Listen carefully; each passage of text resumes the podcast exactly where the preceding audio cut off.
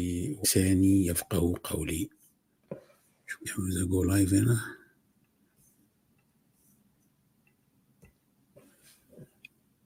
أوكي.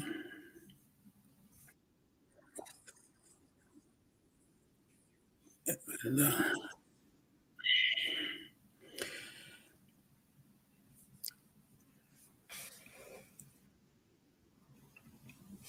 السلام عليكم ورحمة الله وبركاته. أهلا بحضراتكم في الحلقة رقم آه، 71 من حلقات آه،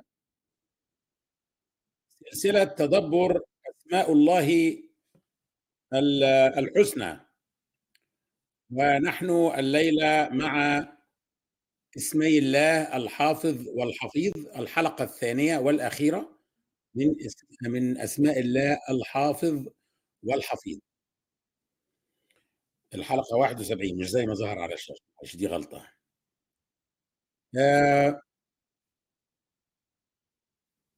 بداية أذكر نفسي وحضراتكم بقول الله تعالى في سورة الأعراف أعوذ بالله السميع العليم من الشيطان الرجيم. ولله الأسماء الحسنى فادعوه بها. وذروا الذين يلحدون في أسمائه سيجزون ما كانوا يعملون. وقول النبي صلى الله عليه وسلم إن لله تسعة وتسعين اسما مئة إلا واحدة.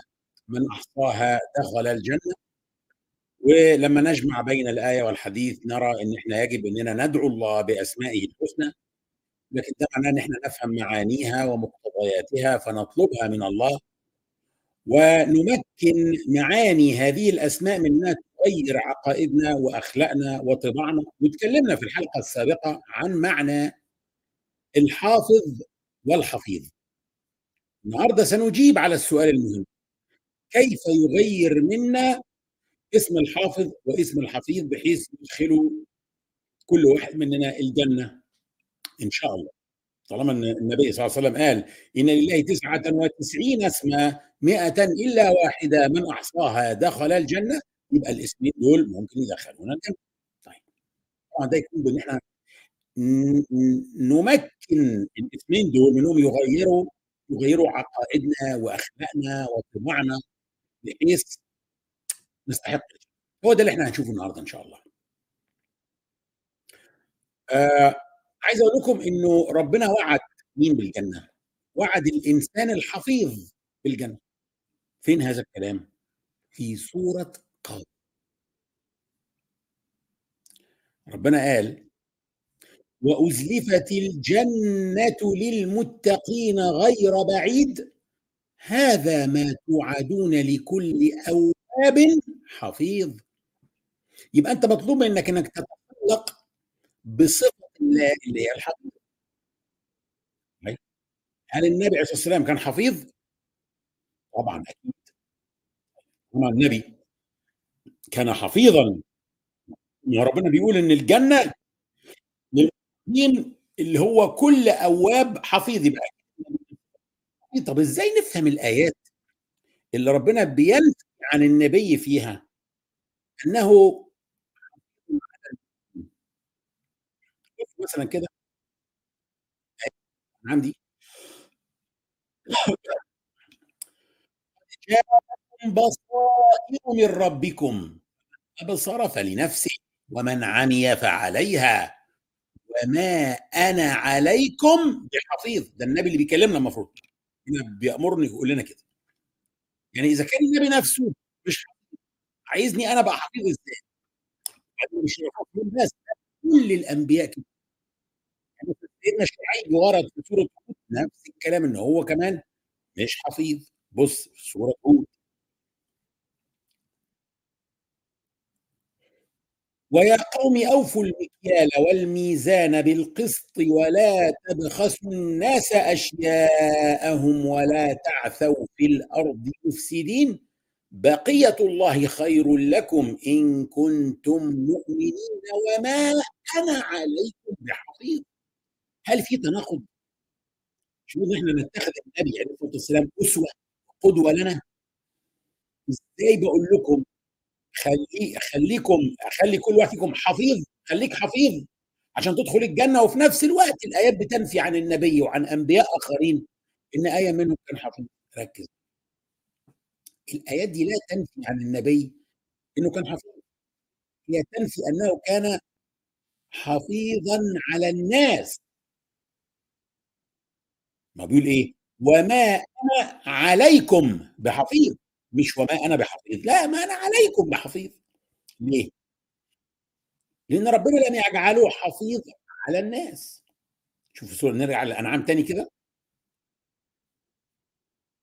واتبع ما اتبع ما يوحى اتبع ما أوحي إليك من ربك لا إله إلا هو وأعرض عن المشركين ولو شاء الله ما أشركوا وما جعلناك عليهم حفيظا وما أنت عليهم بوكيل. ربنا لم يجعل النبي حفيظ على الناس. طيب عاوز تعرف يعني إيه ما معنى إن النبي مش حفيظ علينا؟ ابحث عن مهمته نحونا إيه. تجد إن نفس الآية اللي ربنا نفى فيها أنه جعله حفيظا أو أنه حفيظ قال له في نفس الآية مهمته إيه؟ في سورة الشورى. دي طريقة تفهم بيها القرآن.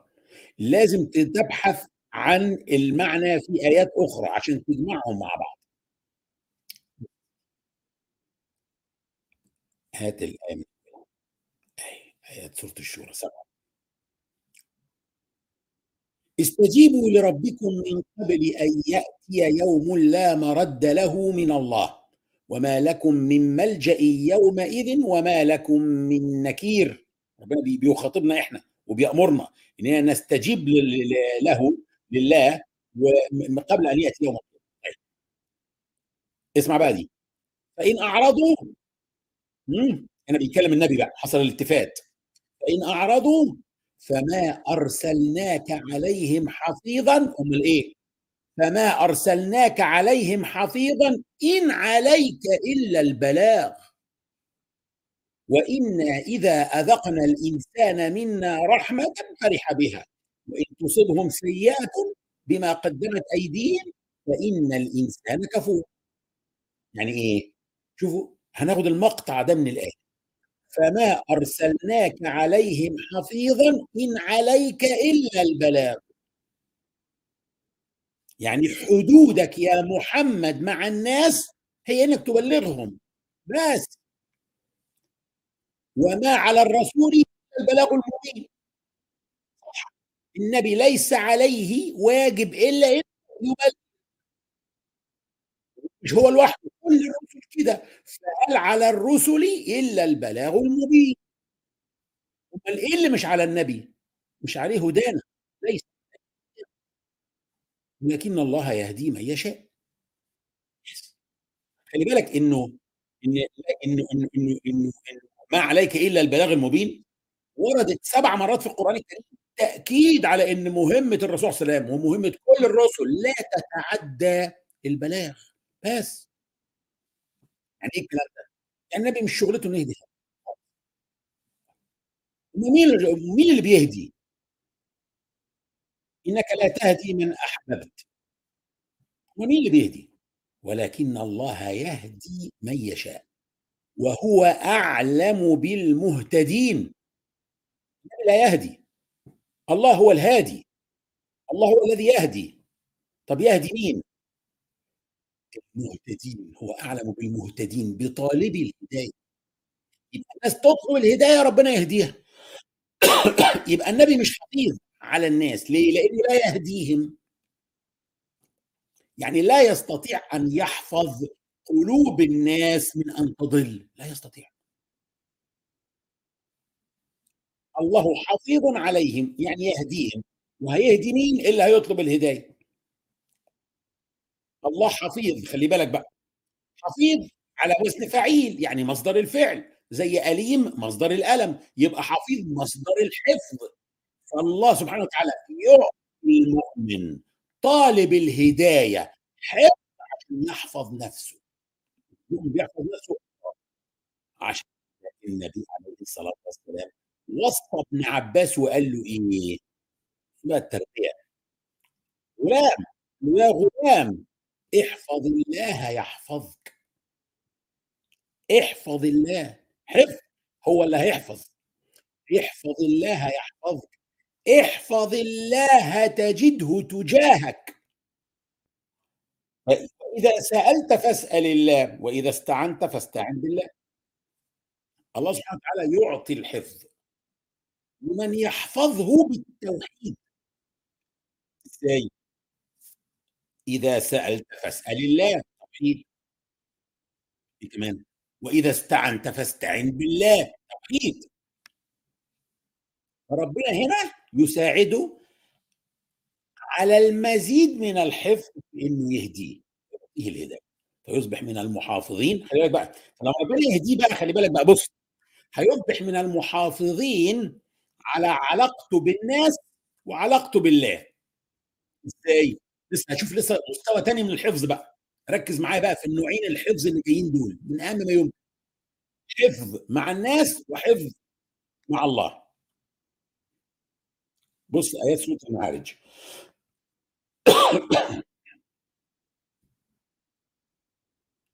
والذين هم لفروجهم حافظون إلا على أزواجهم أو ما ملكت أيمانهم فإنهم غير ملومين فمن ابتغى وراء ذلك فأولئك هم العادون.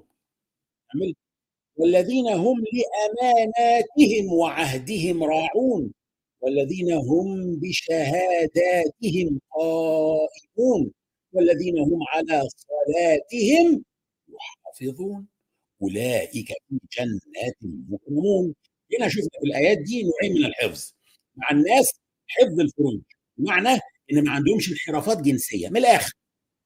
ناس منضبطة في علاقاتها كلها، عندهم يعني عندهم آداب التعامل مع الجنس الآخر، عندهم آداب ما عندهمش أي انحرافات جنسية. والشهوة عندهم الجنسية منضبطة بالزواج وبالعلاقات الشرعية. لكن الانحرافات الجنسية لمّا بتحصل في المجتمع، بيحصل فيه اختلاط أنساب، بيحصل فيه أمراض، بيحصل فيه ش يعني آآ يعني أمراض اجتماعية كثيرة جدًا. في أجيال النهارده، أجيال كاملة في الغرب ما تعرفش آبائها مين، الموضوع ده عامل لهم عُقد نفسية بتسبب اضطرابات عقلية. فده فيما يخص العلاقة بالناس، في حفظ إيه، حفظ الفروج، والعلاقة بالله منضبطة بالحفاظ على الصلاة. ها، والذين هم على صلاتهم يحافظون. شوف عن عن عبد الله بن مسعود قال: سألت النبي صلى الله عليه وسلم آآ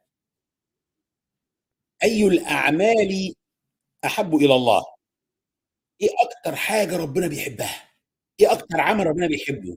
قال: أول حاجة الصلاة لوقتها. قُلت: ثم أي؟ طب وإيه كمان؟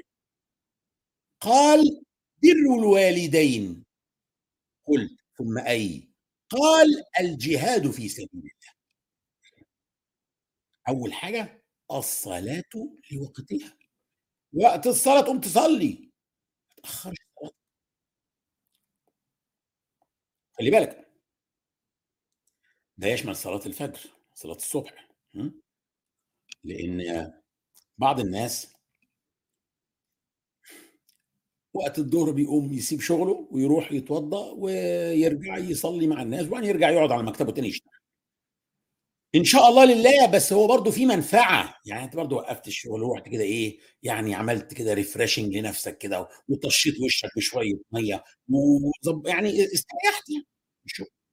لكن الصلاة اللي هي لله فعلًا 100% اللي أنت بتقوم بتضبط منبهك عشان يصحّيك، عشان تسيب سريرك وتقوم تروح تغسل إيدك ووشّك ورجلك والناس نايمة عشان تصلي، دي لله تمامًا. مش بعض، صلاة الفجر أصعب حاجة. دي بتورّيك أنت فعلًا درجة إيمانك إيه، مستعد تضحّي بالنومة، مستعد تضحّي بالراحة، مستعد تضحّي بالسرير والّا لأ؟ نفس الرسالة دي على فكرة في سورة المؤمنون أيضًا. ستجد سورة المؤمنون قد أفلح المؤمنون الذين هم في صلاتهم خاشعون والذين هم عن اللغو معرضون والذين هم للزكاة فاعلون والذين هم لفروجهم حافظون. إلا على أزواجهم أو ما ملكت أيمانهم فإنهم غير ملومين. كمل فمن ابتغى وراء ذلك فأولئك هم العادون. كمل بقى صفات المؤمنين إيه؟ والذين هم لأماناتهم وعهدهم راعون. والذين هم على صلواتهم يحافظون. أولئك هم الوارثون. الذين يرثون الفردوس هم فيها خالدون. برضه نفس الحكاية. الأمر الحفاظ على حفظ الفرج وعلى الحفاظ على الصلوات. على فكرة أوامر كثيرة جت بالمحافظة على الصلوات. مثلا ربنا قال في سورة البقرة حافظوا على الصلوات والصلاة الوسطى وقوموا لله قانتين. الصلاة الوسطى على فكرة تفسر انها العصر وتفسر انها الفجر أيضا. ليه؟ لأن المسافة أو ال ال الوقت ما بين العشاء والظهر طويل جدا يتوسطهم الفجر. يقال هي صلاة الصبح. هي اسمها صلاة الصبح ما اسمهاش الفجر. الفجر ركعتي الفجر يعني السنة ماشي بس إيه يعني مجازا بنقول الفجر عشان متعودين على كده. صلاة الفجر. اسمها صلاة الصبح. أيضا في سورة الأنعام. يقول تعالى والذين يؤمنون بالآخرة ويؤمنون به. والذين يؤمنون بالآخرة يؤمنون به وهم على صلاتهم يحافظون. وفي السنة النبوية رب الرسول عليه الصلاة والسلام أمرنا كثيرا بالحفاظ على الصلوات النافلة. قال رسول الله صلى الله عليه وسلم من حافظ على أربع ركعات قبل الظهر وأربع بعدها حرمه الله على النار حفاظ على إيه؟ على الصلوات النوافل. طالما بقى إن النبي مش حفيظ علينا الأنبياء مش حف... مش ما كانوش حافظين علينا أو على ناس وربنا هو الحفيظ. ليه سيدنا يوسف وصف نفسه وصف نفسه؟ سورة يوسف بإنه حفيظ. لما رشح نفسه. قال اجعلني على خزائن الأرض إني حفيظ عليم. طبعا في خلاص. ما كده ما بيقولش إنه حافظ على الناس. هو بيقول إنه حفيظ على المال. هذا الحفظ الأول اللي كان فيه امبارح اللي هو بمعنى الحراسة من الضياع سواء بالأمانة أو بالدقه أو بالخبرة في التعامل مع المال والأمور المالية. بل على فكرة سجلات الموتى اللي مسجل فيها أعمال الموتى الأعمال الصالحة أو السيئات توصف أيضا بإيه؟ في سورة قاف قال تعالى قاف والقرآن المجيد بل عجبوا أن جاءهم منذر منهم فقال الكافرون هذا شيء عجيب أئذا متنا وكنا ترابا ذلك رجع بعيد قد علمنا ما تنقص الأرض منهم وعندنا كتاب حفيظ يعني إيه؟ يعني السجل ده لا يضيع منه شيء لا يسقط منه شيء سهوا ولا ضياعا ولا غيره. كل عمل اتعمل كل كلمة اتقالت ومسجله صوت وصوره طيب هل المؤمن يطالب بحفظ الفرج وحفظ الصلاة قط؟ بقى. ربنا أمرنا بالحفظ على إيه كمان لقيت حاجة كمان ربنا أمرنا بيها من أعجب ما يمكن. من الحفظ اللي يدخل صاحبه الجنة. ها عارفين حفظ إيه؟ سوره التوبة. يعني هو كتير. التائبون العابدون الحامدون السائحون الراكعون الساجدون الآمرون بالمعروف والناهون عن المنكر والحافظون لحدود الله. وبشر يبقى تبحث عن لما تحفظ حدود الله ربنا بيقول النبي صلى الله عليه وسلم يبشرك. كده ربنا بيقول أبشر بالجنة بقى. طب يبقى لازم نبحث إيه هي حدود الله علشان نتوقف عندها ونشوف إحنا بنحافظ ولا لأ. بحثت تبحث كده عن تلك حدود الله. حدود الله. عارفين ستجدوها إيه؟ كلها حقوق الزوجين. خاصة حقوق النساء على الرجال خاصة. سواء في الزواج سواء في الطلاق سواء في الظهار سواء في الميراث. مش ممكن يعني على سبيل سبيل المثال بس يعني مش الحصر. حوالي 10 مرات. لا تخرجوهن من بيوتهن ولا يخرجن إلا أن يأتين بفاحشة مبينة. وتلك حدود الله ومن يتعد حدود الله فقد ظلم نفسه. يعني تقريبا عدد المرات اللي ذكر فيها حدود الله اللي المطلوب نحافظ عليها يساوي أو أكثر من عدد المرات اللي مأمورين فيها بحفظ الفرج وحفظ الصلوات. إيه رأيكم بقى؟ يعني الذين على صلواتهم يحافظون والذين هم لفروجهم حافظون. تيجي تجمع دول تلاقيهم ما يجوش عشر مرات. لكن عشر مرات ربنا أمرنا بإيه؟ بحفظ حدود الله اللي هي هنا ليه؟ ليه؟ يعني؟ ليه؟ ليه قد ليه؟ ليه, ليه أكتر بكتير جدا من من الحفظ الصلاة وحفظ حتى فكر كده الحقيقة. ربنا بيأمر كل مسلم ومسلمة بحفظ الفرج والصلاة. والعلاقة بالزوج والزوجة أكتر منهم كلهم. إشمعنى؟ حتى فكر كده إن كتير من ال... الناس اللي زينا كده اللي هم يعني يوصفوا بالمتدينين محافظين على الصلوات. وممكن في المساجد كمان محافظين على الجماعة الجماعة ورايح المسجد وجاي من المسجد والشارع كله شايف رايح جاي من المسجد. ويصلي الفجر الفجر والناس تسمع الأسانسير طالع يبقى جارنا اللي في الخامس وحريصين أيضا على عدم تجاوز يعني الحدود في التعامل مع الجنس الآخر. لا حد يقدر يتهمهم بالإنقاذ عندهم علاقات سيئة. الحمد لله يعني حاجة ناس محافظين جدا فيظهروا إنهم كده تمام. الراجل ده ما شفناهوش مع حاجة على اخلاقه يتكلم على أخلاقه. ها؟ ورايح جاي على المسجد حلو قوي. فالناس تظن إنه تمام. لا لسه مش تمام. أمال إيه؟ اوعى تكون بتظلم زوجتك. حدود الله. اللي مطلوب منك تحافظ عليها. جت في السياق بتاع الزوجة التعامل مع الزوجة 10 مرات. طبعا ده معناه التعامل مع الزوج برضه يعني عشان بس الستات اللي مبسوطة قوي بالكلام يعني. لو أنت كمان ما تظلميش زوجك. دي مهمة جدا جدا جدا. عشان تبقى متأكد إن أنت متصف بسم الله إن أنت يعني تندرج تحت مسمى لكل أواب حفيظ اللي هو بيبقى إيه؟ ربنا بشرهم بالجنة. آخر حاجة بقى من باب التخلق بصفات الله ما هي أهم حاجة ربنا حفظها؟